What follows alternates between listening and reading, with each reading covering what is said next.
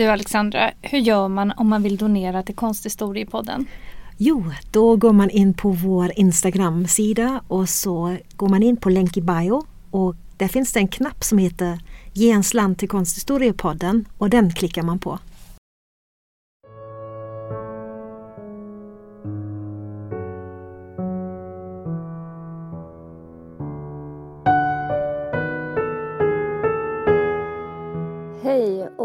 Varmt välkomna till Konsthistoriepodden som idag är på Nationalmuseet i Stockholm. Vi vill också passa på att, eh, förutom att hälsa alla välkomna som är här, också säga hej till alla som lyssnar på oss där ute i världen. Ja, precis. Jag heter Alexandra Frid. Och jag heter Alexandra Härlitz. Och eh, vi har fått med oss den stora frågan av Nationalmuseum inför denna eh, kvällens livepodd hur konstnärsrollen har formats i den västerländska konsthistorien. Och det är denna fråga som vi ska ägna oss åt ikväll. Och vi försöker att ge svar på denna fråga genom att se lite närmare på höstens eh, två stora utställningar här på Nationalmuseum. Den ena utställningen visar delar ur Giorgio Vasaris mytomspunna samling av mästerteckningar från renässansen och den andra visar Christer Strömholms fotografiska porträtt av konstnärer och kulturpersonligheter i efterkrigstidens Paris. Och om man tittar på de här bilderna som vi visar här i bakgrunden så kan man nästan inte tro att det kan finnas några gemensamma nämnare här. Men vi har försökt att hitta några och de ska vi berätta lite mer om ikväll. I eh, båda utställningar så ser vi hur teoretiker och praktiker från konstfältet samverkar samtidigt som bilden av en konstscen uppstår. Giorgio Vasari och renässanskonstnärerna i Florens och Pontus Hultén och konstnärerna i 1900-talets konst och kulturcentrum i Paris. Och eh, en sak som vi funderade på det är ju vad är det som gör ett konstnärskap spännande för oss? Varför berör vissa konstnärers liv oss mer än andras? Och det som man kan säga det är ju att ofta handlar det inte bara om eh, konsten i sig utan många gånger så är det ju såklart också konstnärers livsöden som intresserar oss. Och um, den bilden som vi får av en konstnär det är ju den som tidigare forskare och författare och så förstås också porträttörer som Christer Strömholm har etablerat. Och det är ju en bild som har etablerats i både skrift och bild. Och inte sällan så finns Eh, det är också en del konstnärsmyter som finns paketerat i dessa bilder. Och den som först skrev om konstnärernas liv och skapade just väldigt långvariga myter om dessa, det var den italienska renässanskonstnären och författaren Giorgio Vasari som ni ser i bilden bakom mig. Ja, och läser man Vasaris bok om berömda konstnärs, eh, renässanskonstnärers liv så får man ju en väldigt tydlig bild av en idealkonstnär som Vasari målar upp. Och den perfekta konstnären skulle i princip arbeta hårt, vara vacker och bete sig väl. Men givetvis så förändras konstnärsmyten under århundradena och idealen skiftar från universalgeni till det missförstådda geniet. Och ikväll så ska vi visa de här olika myterna ehm, och bilder av konstnärer utifrån de här två utställningarna som finns här på Nationalmuseum. Ja. Och vi tar avstamp här i 1950 och 60-talets Paris. Eh, för det är där Krista Strömholm hamnade efter andra världskriget. Och det är där han börjar att fotografera gatuscener. Eh, och ehm, så småningom så får han tips av en amerikansk fotograf att köpa en eh, speciell typ av eh, ehm, väldigt hårt fotopapper som gjorde att hans fotografier blev nästan helt svartvita och fick ett närmast grafiskt uttryck. Ja, och det är också under 50 och 60-talet som han periodvis bor i Paris. Han bor även i Stockholm. Eh, men han lär alltså känna konstnärerna på barer och kaféer och först kanske genom att heja på dem för att sedan börja småprata med dem. Eh, och på så sätt så kommer han in i deras krets och blir alltså inbjuden eh, på fester och han kan då fotografera eh, konstnärerna i deras egen värld, i ateljéerna, kaféerna, barerna eh, där de brukar tillbringa sin tid. Och det som, eh, det som man kan se när man tittar på Strömholms eh, konstnärsporträtt det är att um, de förefaller vara ärliga och raka porträtt av de här konstnärerna. Och ofta så visas de i sina självklara miljöer och ser väldigt bekväma ut i dem, vilket gör att de känns väldigt genuina. Jo, vi tänker ju att eh, Strömholms bilder från den här perioden har egentligen mycket mer gemensamt med bilden av renässanskonstnären än vad man kan tro vid första anblick, även om idealen har skiftat. Aha. Och för att komma dit så måste vi ta en liten omväg via eh, denna Giorgio Vasari. För vem var han då? Han eh, föddes 1511 i Arezzo i Toscana och var en väldigt typisk 1500-talsmänniska som var universallärd och som var verksam på många olika områden. Och han var både eh, arkitekt och målare vid hovet av den florentinska furstefamiljen Medici. Jo, och nu för tiden så är ju Vasari främst känd kanske för sina konstnärsbiografier som han skrev om de italienska renässansens målarna, skulptörer och arkitekter. Men hans egna konstverk och byggnader är faktiskt inte alls att försumma. Nej. Bland annat så, jag vet inte om ni har varit i Florens, men han ligger faktiskt bakom det berömda museet Uffizierna som arkitekt. Ja. Men ikväll ska vi alltså fokusera på hans biografier för det första, men sen också på hans eh, teckningsbok. 1550 så utgavs eh, dessa konstnärsbiografier som han skrev i Florens. Eh, och då har de den italienska titeln eh, Le vite de più eccellenti pittori, scultori e architettori och den svenska titeln är lite enklare för då heter boken bara Berömda renässanskonstnärers liv. Just det. Och redan 1568 så ger Vasari ut en andra upplaga av de här volymerna. Och då i och för sig då i en utvidgad och reviderad form. Eh, och det är med de här biografierna som ger Vasari epitetet som konsthistoriens fader. Och Eh, om man läser Vasaris biografi så förstår man genast att de eh, inte motsvarar de vetenskapliga kraven som eh, senare konsthistoriker fick leva upp till. Utan han beskriver konstnärers liv, han beskriver deras verk och dessutom också livs och arbetsvillkoren. Ehm, men mycket av den konsthistoria som han skriver saknar källor som är tillförlitliga eller är till och med påhittat. Ja, det är ju till och med så illa så när Vasari inte vet något om en konstnär så hittar han helt enkelt bara på en berättelse och många gånger så utgår han då ifrån livsteckningar eh, som eller han skapar livsteckningar utefter verk som han ser av, av konstnären. Eh, så man kan säga alltså att konstverken blev en inspiration för biografi ja. för Vasari.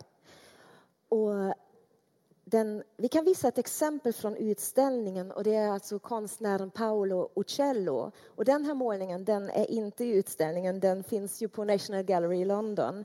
Um, för Paolo Uccello han gick till konsthistorien som det perspektiviska måleriets fader när han skapade alltså ett helt nytt bildrum genom att använda sig av fluktpunkt och följde perspektivens lagar.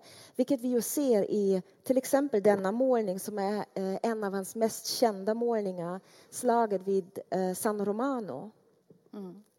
Och Vasaris biografi av Paolo Uccello kom att spela en stor roll för den bilden som vi nu för tiden har för konstnären.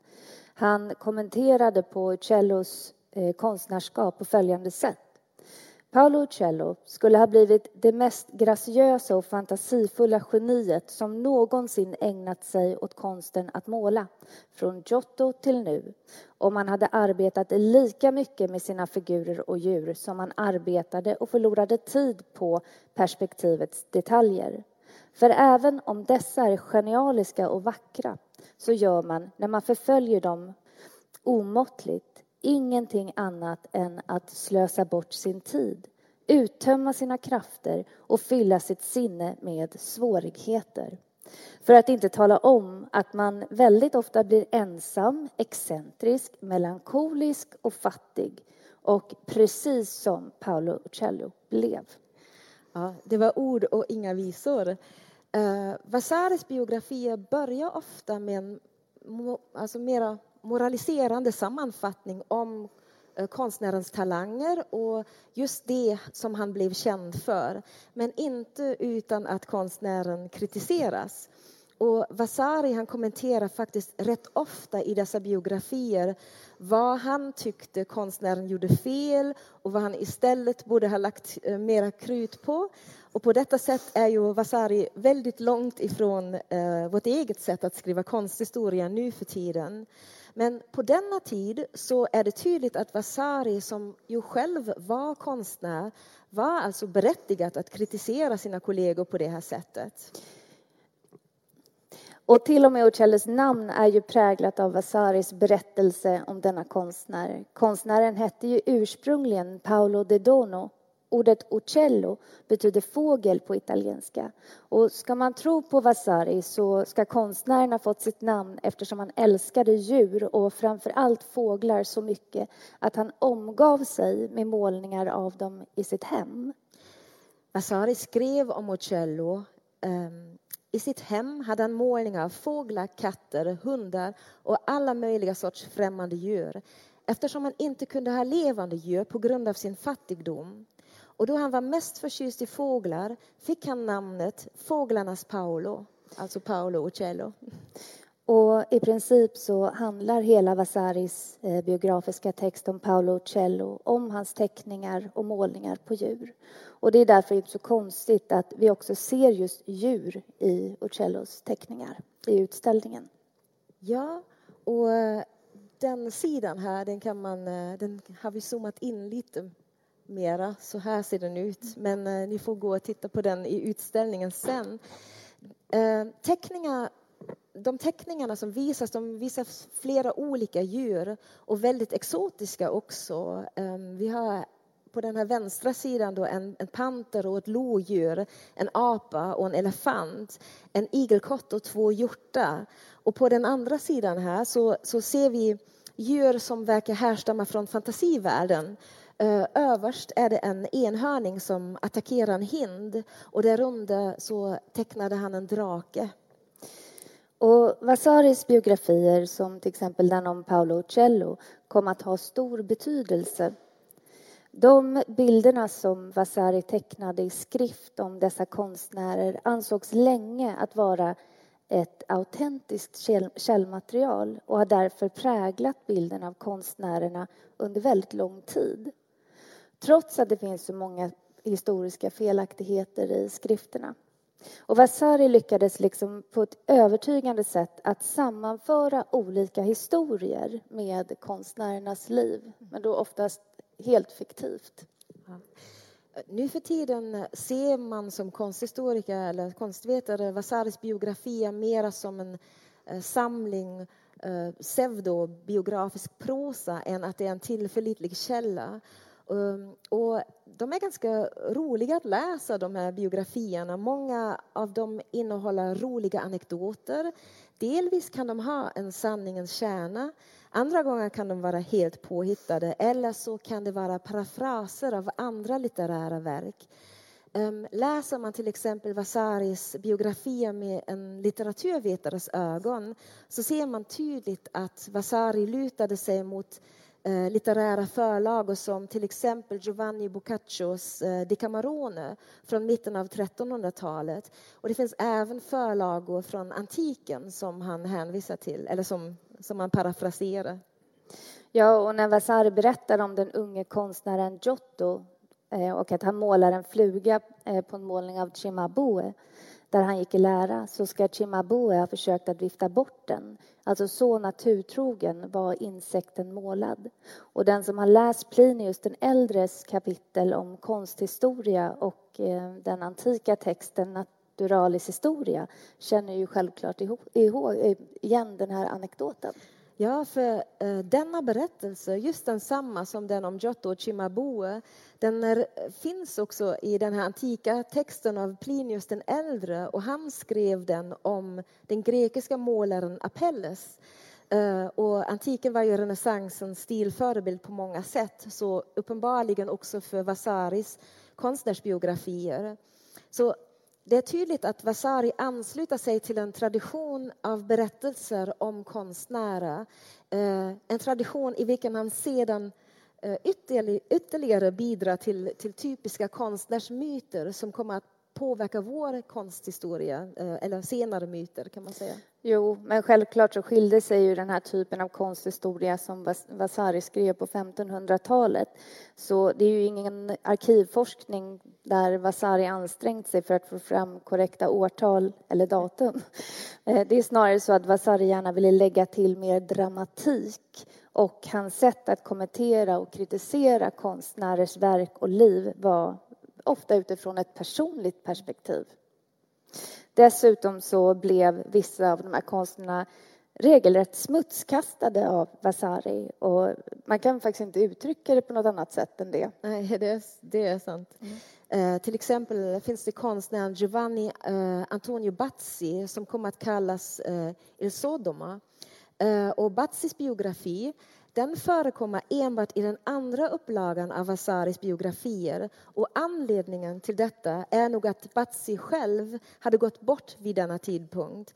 För när Vasari skriver om Bazzi så beskriver han honom som eh, omoralisk, fåfäng och lat eh, vilket inte alls överensstämmer med andra samtida vittnesmål. Så det är väldigt tydligt att Vasaris personliga uppfattning om Bazzi kommer fram vilket ju är väldigt olyckligt mm. för konstnären vars dåliga rykte etablerades och vidhölls ända fram till 1900-talet på grund av Vasaris text. Mm. Och han är ju inte precis ensam om det. Men det är ändå värt att lägga på minnet eh, att en hel del av de konsthistoriska stilbegreppen som vi fortfarande använder oss av går direkt eller indirekt att eh, spåra tillbaka till Giorgio Vasari. Och själva stilepokens benämning renässansen fick till exempel sitt namn i och med Vasaris text. Och när han skriver om Rinashita, alltså återfödelsen av antiken, så är det precis det som vi gör. Nu har vi pratat om Vasaris böcker över renässanskonstnärernas biografier. Men i utställningen så tematiseras ju Vasaris teckningssamling. Och den ska vi prata lite mer om nu och hur den blev berömd och hur den hänger ihop med de här konstnärsbiografierna som vi talade om tidigare. Och vi ska också berätta lite mer om teckning som konstform. För teckningens status kom att ändras under renässansen och även detta skedde med Vasaris påverkan. Ja, Vasaris teckningssamling sägs ha omfattat omkring 526 teckningar och när han gick bort 1574. Redan 1528 så fick eh, eh, Vasari möjligheten att förvärva teckningar från den florentinska skulptören Lorenzo Ghibertis ateljé. Och när konstnärsbiografier när hans konstnärsbiografier 1568 skulle ges ut i en andra reviderad upplaga så fick Vasari idén att ett urval av hans teckningssamlingar skulle publiceras som ett komplementerande album och på så sätt illustrera de biografiska texterna som han hade skrivit. Så i den andra upplagan av de här konstnärsbiografierna så ändrade Vasari alltså i de biografiska texterna och vävde in nya textpassager där han hänvisade till teckningarna i sin egen samling. Och dessa teckningar publicerades alltså samtidigt som den andra upplagan av biografierna under namnet Libro de disegni, alltså teckningsbok eh, översatt, eh, översatt från italienskan.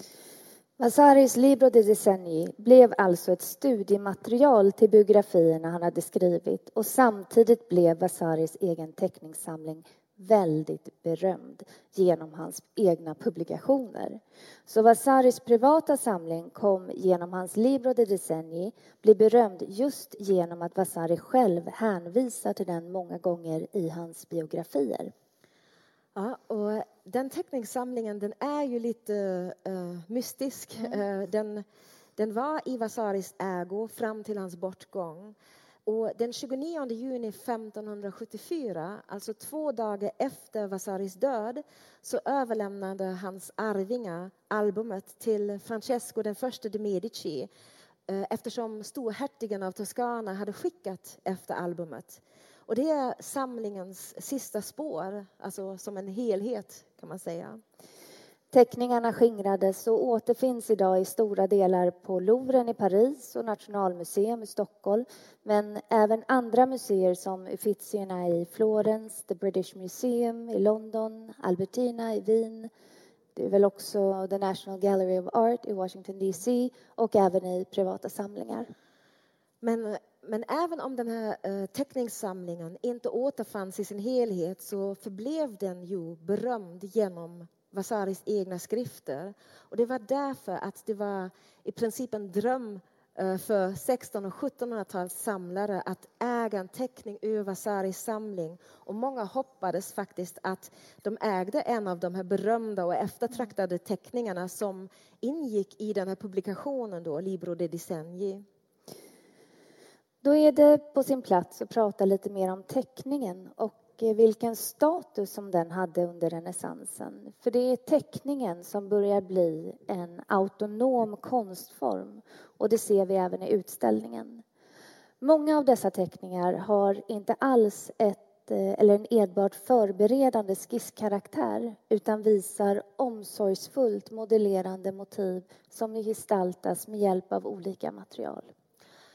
Ehm, nu för tiden har vi, eh, trots att det är så länge sedan, en ganska klar uppfattning om vilka material och vilka metoder som användes av renässanskonstnärer när de tecknade. Eh, och det har att göra med att eh, konstnärer som Leon Battista Alberti och Lorenzo Ghiberti de publicerade böcker om konst på 1390 och 1430-talen. Och där berättar de om teckningsmediet under renässansen. Och man använde sig av olika typer av underlag. Pappret, som till en början var väldigt dyrt och exklusivt material, kom att ersätta pergament så småningom. Och de här, på de här underlagen så ritade man till exempel med enkla styluspennor, alltså tunna metallstift som i princip bara lämnade en skårad fördjupning. Och man kunde också eh, använda sig av mjukare metallsorter så att Eh, metallstiften lämnade mera synliga märken efter sig.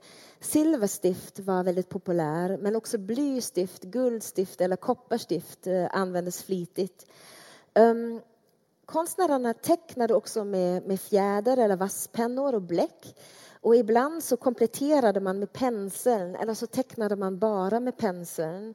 Och eh, som ni ser här i de här exemplen så eh, tecknade man ofta med kol eller kritor för att man kunde blanda dessa på ett väldigt fint sätt och skapa variationer av toner.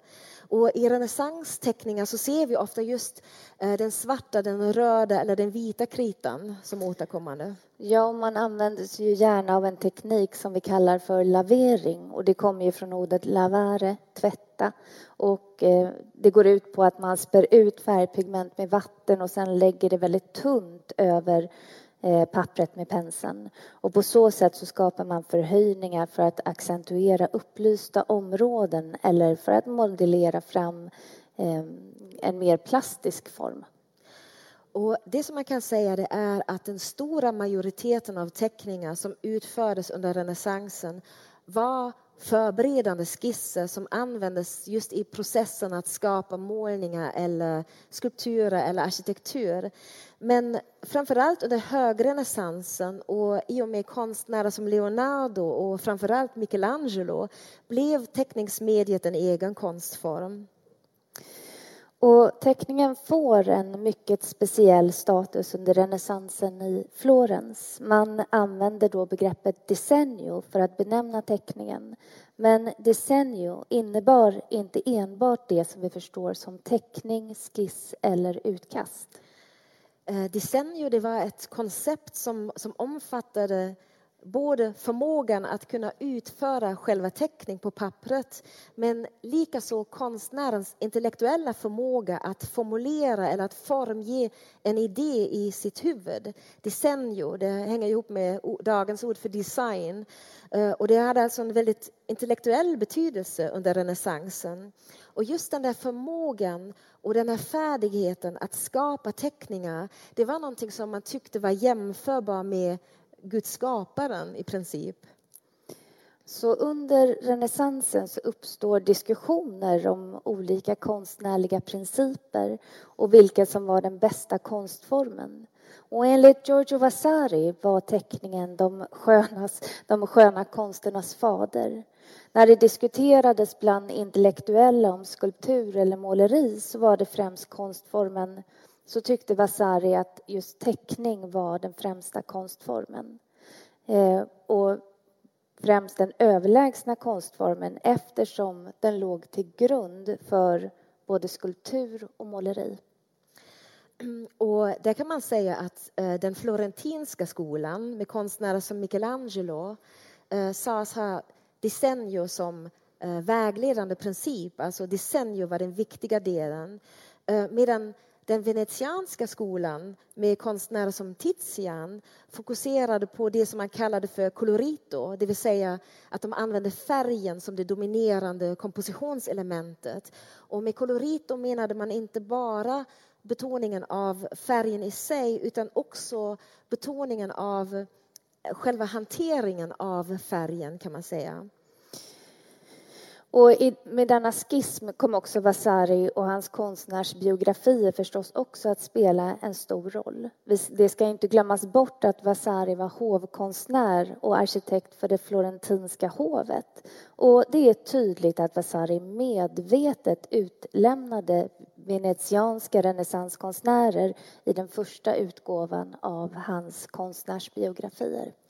Så det är först i den andra utgåvan eh, att vi får se venetianska konstnärer som Tizian få en mm. plats i konsthistorien. Och överlag kan man se att Vasari inte har neutral utgångspunkt.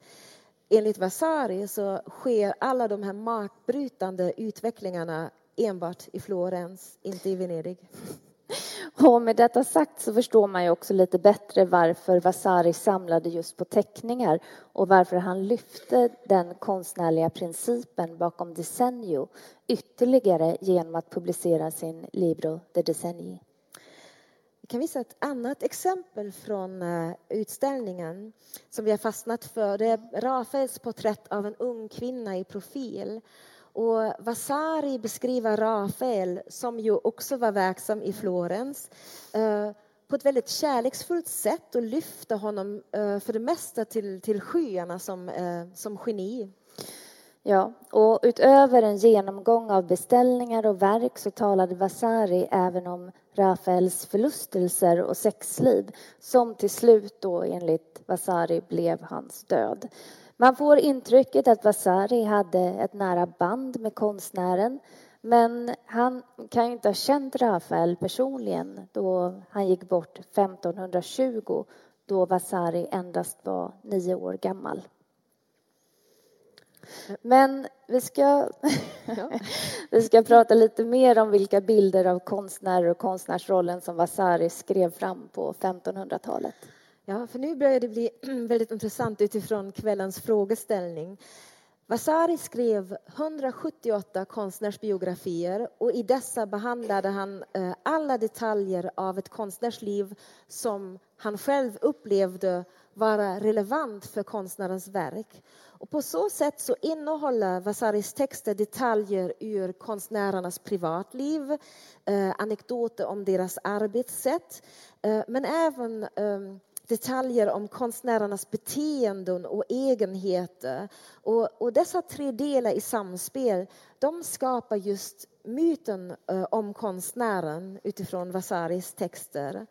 Så en sak som man kan nämna det är att eh, Vasari i princip skapar i sina biografier eh, prototypen av en idealkonstnär. Och Vasari hade en väldigt konkret föreställning av en sådan. Och det är tre kriterier som skulle uppfyllas, som vi redan nämnde i början. Ja, och för det första så måste alltså konstnären arbeta hårt. Att vara konstnär är förstås Guds gåva i första hand, men för att uppnå genialitet så räcker det inte med talang. Konstnären måste vara ambitiös, stringent, tålmodig och uthållig.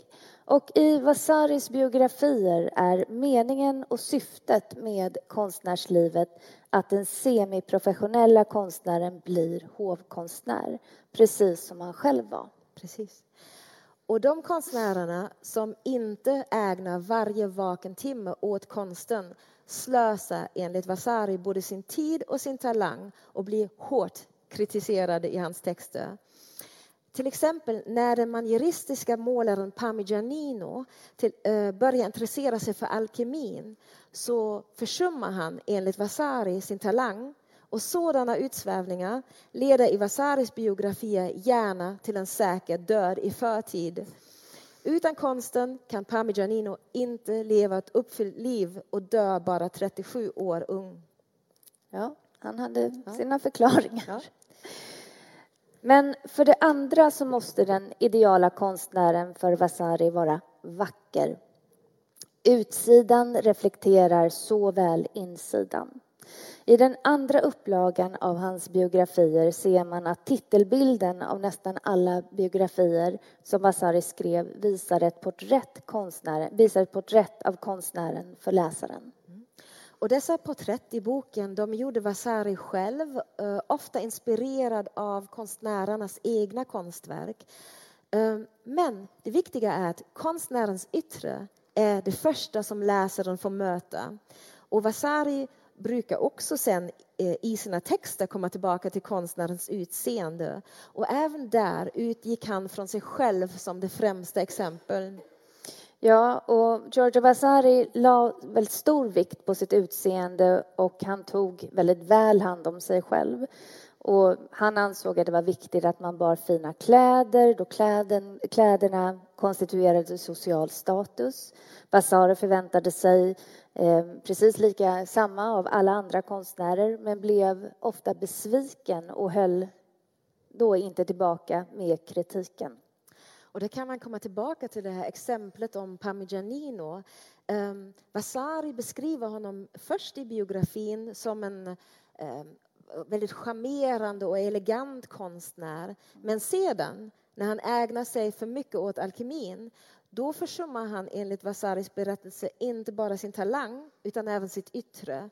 Och I Vasaris biografi så beskrivs Parmigianino som nästan som en vilde med lurvigt skägg som dessutom eh, hade hunnit bli så här konstig och melankolisk när han dog i förtid. Så det är, allt hänger ihop förstås. Ja. Men för det tredje då så måste man enligt Vasari och den ideala konstnärsidealen bara, eller man måste helt enkelt bete sig väl. Vasari värderade det sociala beteendet av konstnärerna väldigt högt. Konstnären var tvungen att vara social, gå på fester, vårda sina kontakter, bete sig väl gentemot mecenater, uppdragsgivare och politiker. För Vasari var det sociala en mycket viktig del av att vara konstnär och även här så skapade han ideala kriterier som motsvarade hans egen förebild. Ja, eh, att låsa in sig i sitt rum, att ha få vänner, att arbeta ensamt så som till exempel den florentinske manieristen Pontormo gjorde om man ska tro på Vasaris biografi det är för Vasari ett onormalt beteende för en konstnär. Likaså fördömde han det vilda beteendet, den oregelbundna livsstilen och den uppenbara homosexualiteten som han skrev fram i den kinesiska konstnären Giovanni Antoni Bazzis biografi som han kallade för Il Sodoma. Och ingen konstnär kunde arbeta ordentligt under sådana omständigheter, hävdade Vasari bestämt. Och, och, självklart leder ett sådant liv enligt Vasaris biografier aldrig till framgångar utan till vansinne, till fattigdom och inte minst till döden. Ett vanligt slut för sådana eh, destruktiva eh, konstnärsliv hos Vasari på 1500-talet är ofta självmord.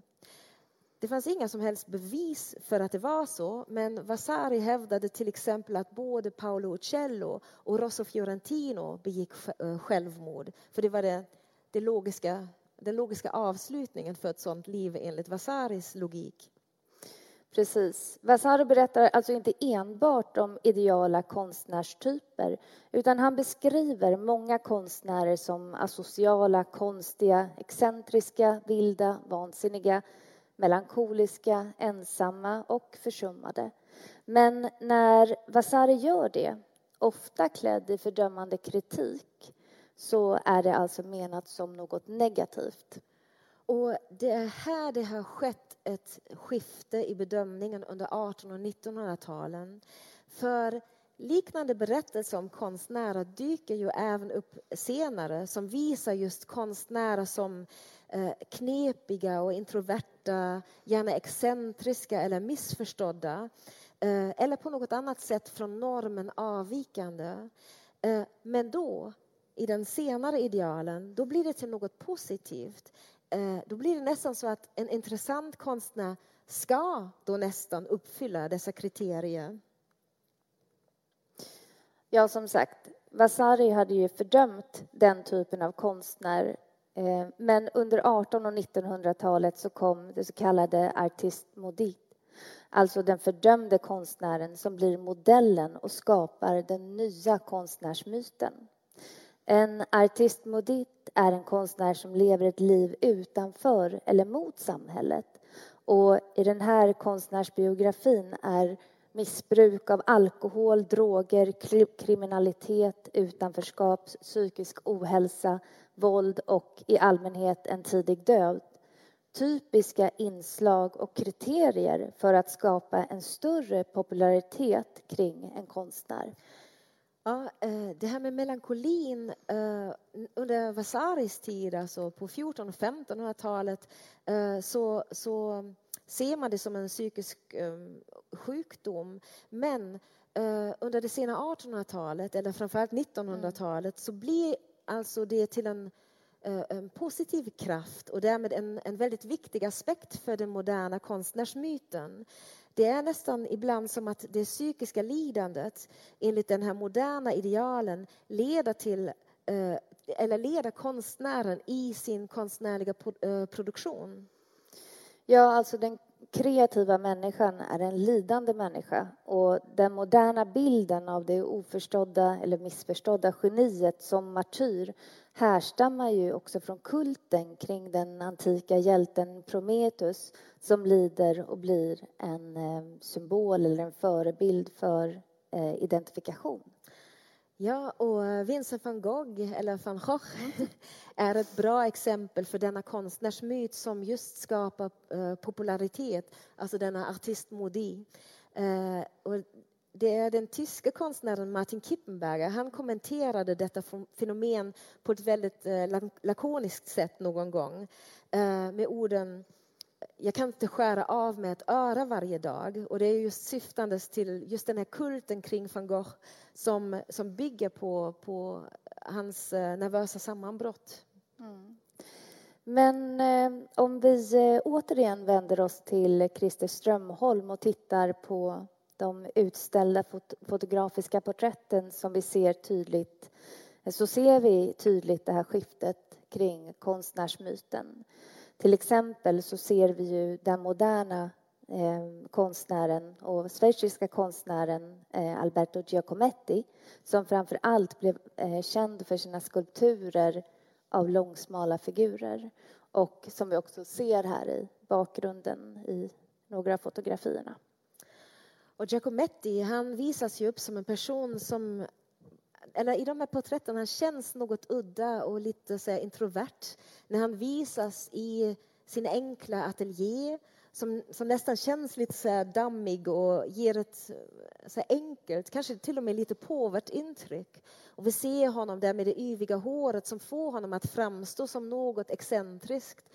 Ja, och just det här excentriska, det är ju något som eh, Christer Strömholm återkommer till i flera av sina konstnärsporträtt, men på väldigt olika sätt. Vissa konstnärer visas som mer extravaganta med elegant klädsel och kroppsspråk, till exempel smyckeskonstnären Torun Bülow Hybe, eh, keramikern och fotografen Angelica Julner och även målaren Fernand Léger.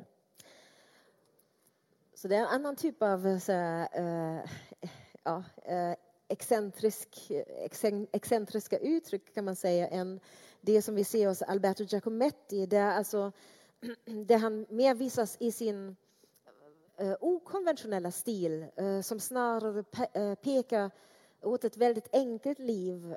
Och när vi ser Giacometti bakom glasrutan till sin ateljé, bakom de här eh, konstnärsattiraljer på fönsterbrädet eller med de här flaskorna som känns lite dammiga så framstår det som en, som en ganska anspråkslös tillvaro som man eh, gestaltas i. Mm. Ja, jo, det förefaller ju påvärt. Hans eh, skulpturer som visar utmärglade, figurer tolkas ofta som ett uttryck för människans ensamhet och existentiella rädslor. Och på så sätt så smälter ju också Giacometti in bland sina skulpturer.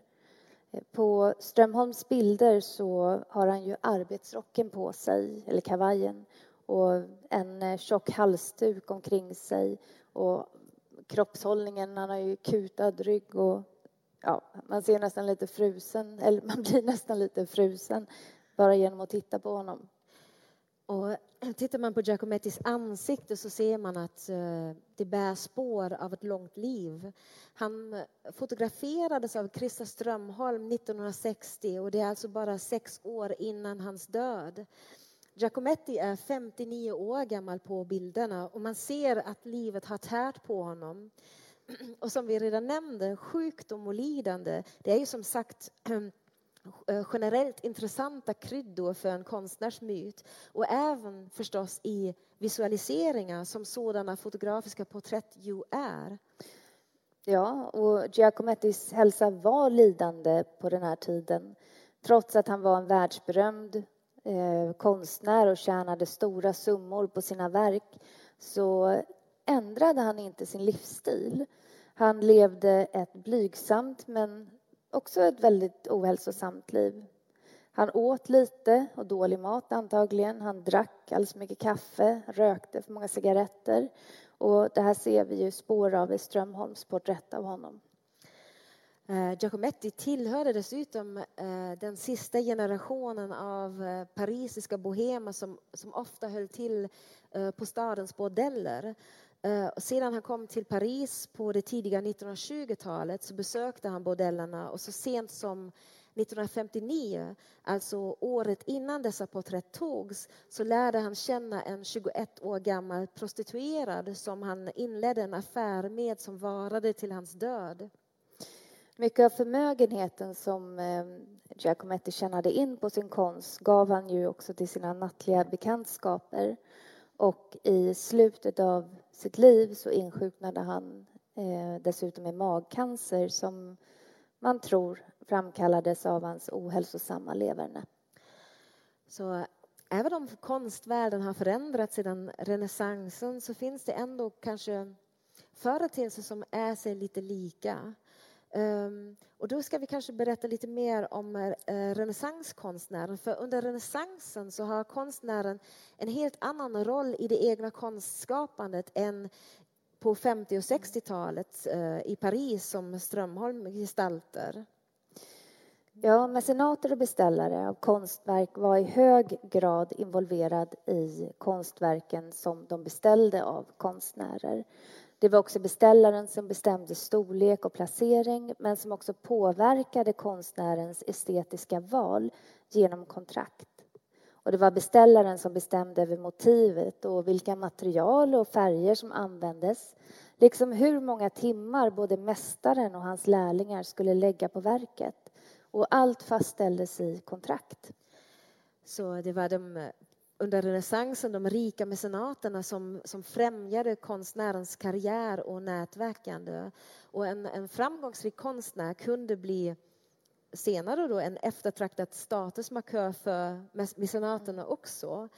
Eh, och desto tydligare blir det att eh, Vasari skriver fram biografierna eh, som hade full fokus på konstnärerna. Det är en viktig markör för att konstnärens roll börjar att förändras under renässansen och konstnärer börjar få status som mästare och som skapande genier. Det är något som utvecklas under denna stilepok kan man säga. Ja, och även om denna typ av mecenatskap och beställningar har försvunnit från dagens konstnärs, ar, konstnärers arbetsvillkor så finns det ju liknande fenomen som belyses i utställningen om Christer Strömholms porträtt från Paris.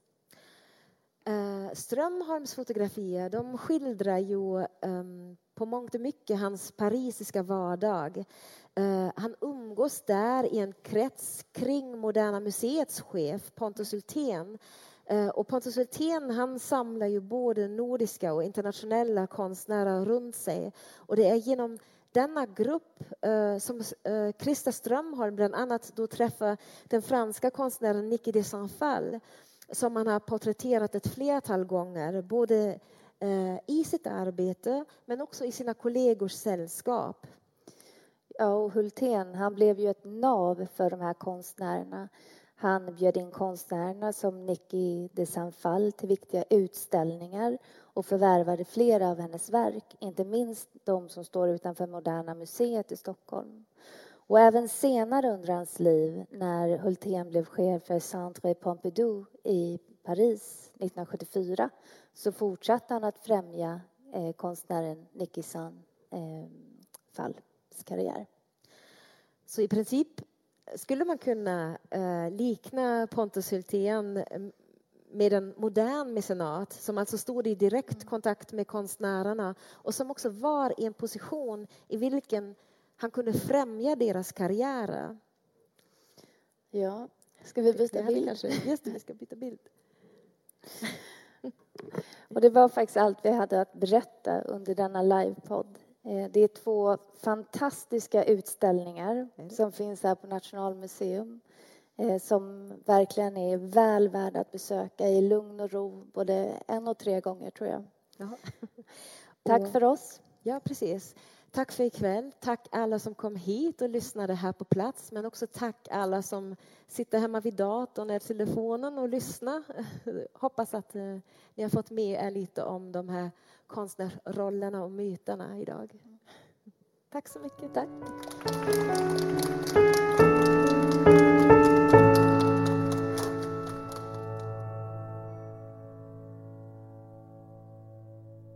Konsthistoriepodden görs med stöd av Gustav Adolf Bratts minnesfond och Göteborgs universitet. Manus och klippning görs av Alexandra Frid och Alexandra Herlitz